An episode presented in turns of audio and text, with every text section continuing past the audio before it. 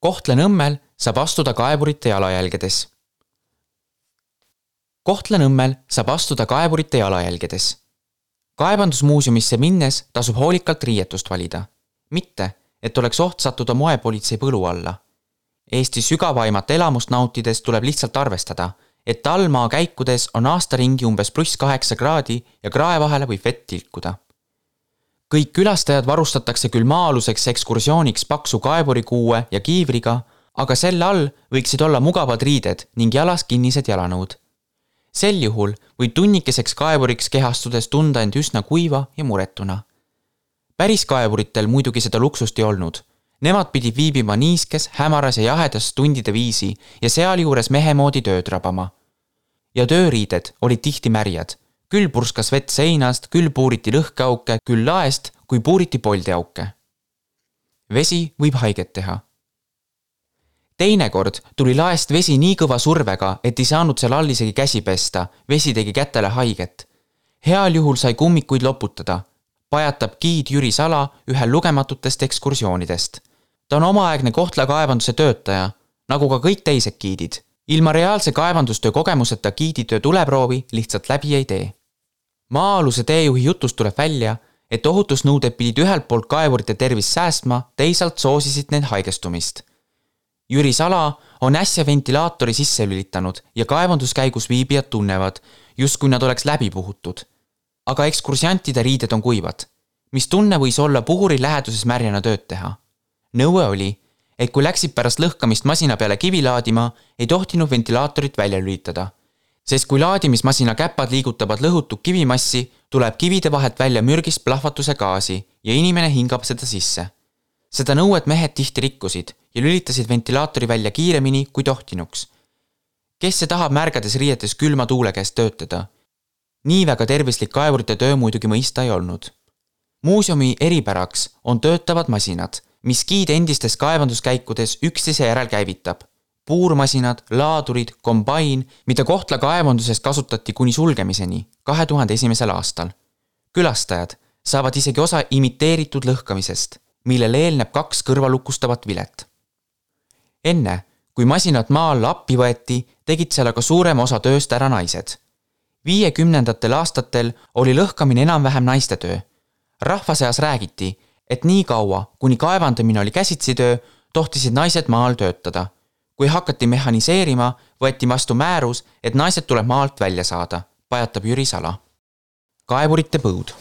koos tehnoloogia täiustumisega on viimastel aegadel hakanud kaevureid üle jääma, aga on olnud perioode, mil tööjõust oli terav puudus.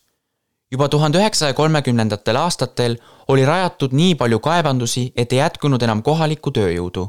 kuna Poolas oli parasjagu kriis, toodi Eestisse tööle sealseid kivisöekaevureid paljud küll lahkusid, sest Eesti kaevandustes olid töötingimused rängemad kui Poolas, palju vett ja suur varisemisoht, paljud jäid ka pidama ja hakkasid eesti keelt õppima. poolakate jaoks ehitati Kivilisse isegi väike katoliku kirik, räägib giid. tööjõupuudus kummitas ka Teise maailmasõja ajal ja sakslased rajasid siia kaevanduste juurde Vene sõjavangide töölaagreid. kui venelased taganesid, uputasid nad kaevandused, sest teadsid, et sakslastel on kangesti tarvis Eesti bensiinivabrikuid Saksa armeega koos tulid aga sisse mäeinsenerid, kelle juhatusel taastati kähku põlevkivi kaevandamine ning jätkati õli ja bensiini tootmist. räägiti, et teise ilmasõja ajal kasutasid sakslased põlevkivibensiini ka oma lennukites, puistab Jürisala huvitavaid ajalookilde nagu varrukast. ta vaatab tagasi ka päris kaugele minevikku, üheksateistkümnenda sajandi esimesse poolde, kui Kunda lähedal asunud Kohala mõisa maadelt leiti põlevat kivi sealne parun lasi põlevkivi kuumutada ning sellest hakati tegema algelist asfalditaolist materjali. kui põlevkivi leiti kõigepealt hoopis Lääne-Virumaalt, miks siis sai pruunist kullast Ida-Virumaa kaubamärk? selle selgitamiseks suunab Jürisala valgusvihu kaevanduskäigu seinale. kaevandused rajati just Ida-Virumaale, sest siin on põlevkivi maapinnale ligemal ja seda oli võimalus hobustega välja vedada. Ida-Virumaal on ka põlevkivi kiht paksem, keskmiselt kolm meetrit aga nagu isegi näete, siis see kolm meetrit pole sada protsenti põlevkivi, vaid keskel on hallid vööndid, mis on baas. seda loetakse aheraineks. põlevkivi sorteeritakse välja ja ladustatakse maa peale. teeb giid põlevkivi abc puust ja punaseks. tõeliste kaevurite jalajälgedes tatsamine jääks poolikuks, kui ei saaks sõita maa-aluse kaevurirongiga. Kohtla-Nõmmel saab. mitte küll nii pikalt kui päris kaevandustes, aga õige tunde saab kätte. Kohtla kaevanduses oli kõige pikem sõit nelikümmend minutit tööle ja pärast tagasi. vagunid, millesse praegu istute, ei olegi väga vana ajalugu.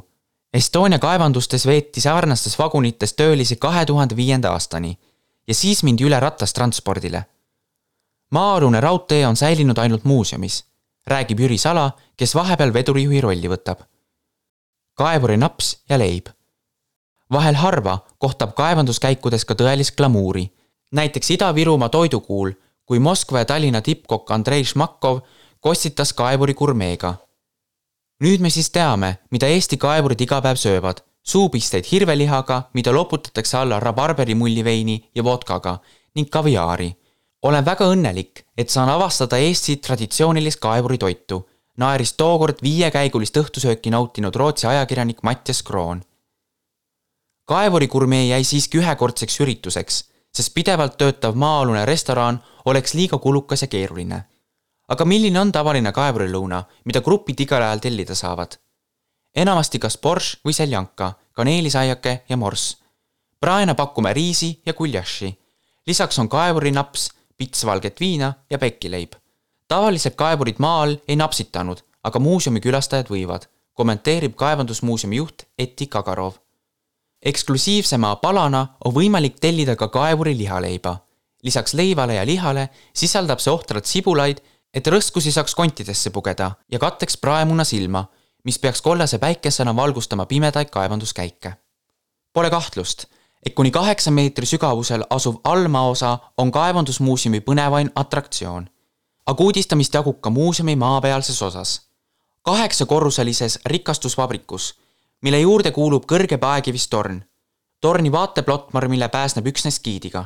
rikastusvabriku enda ekspeditsiooniga saab tutvuda ka omal käel. samamoodi võib omal käel ronida endise Kohtla kaevanduse Paemäe otsa kuhu loodusgiid Enn Käis on loonud tõelise kivikuningriigi külalistel on sinna kombeks viia oma kodukohas kaasa kivitükike.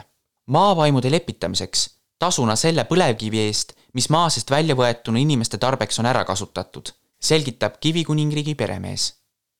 Sirle Sommer Kalda, ajalehe Põhjarannik, ajakirjanik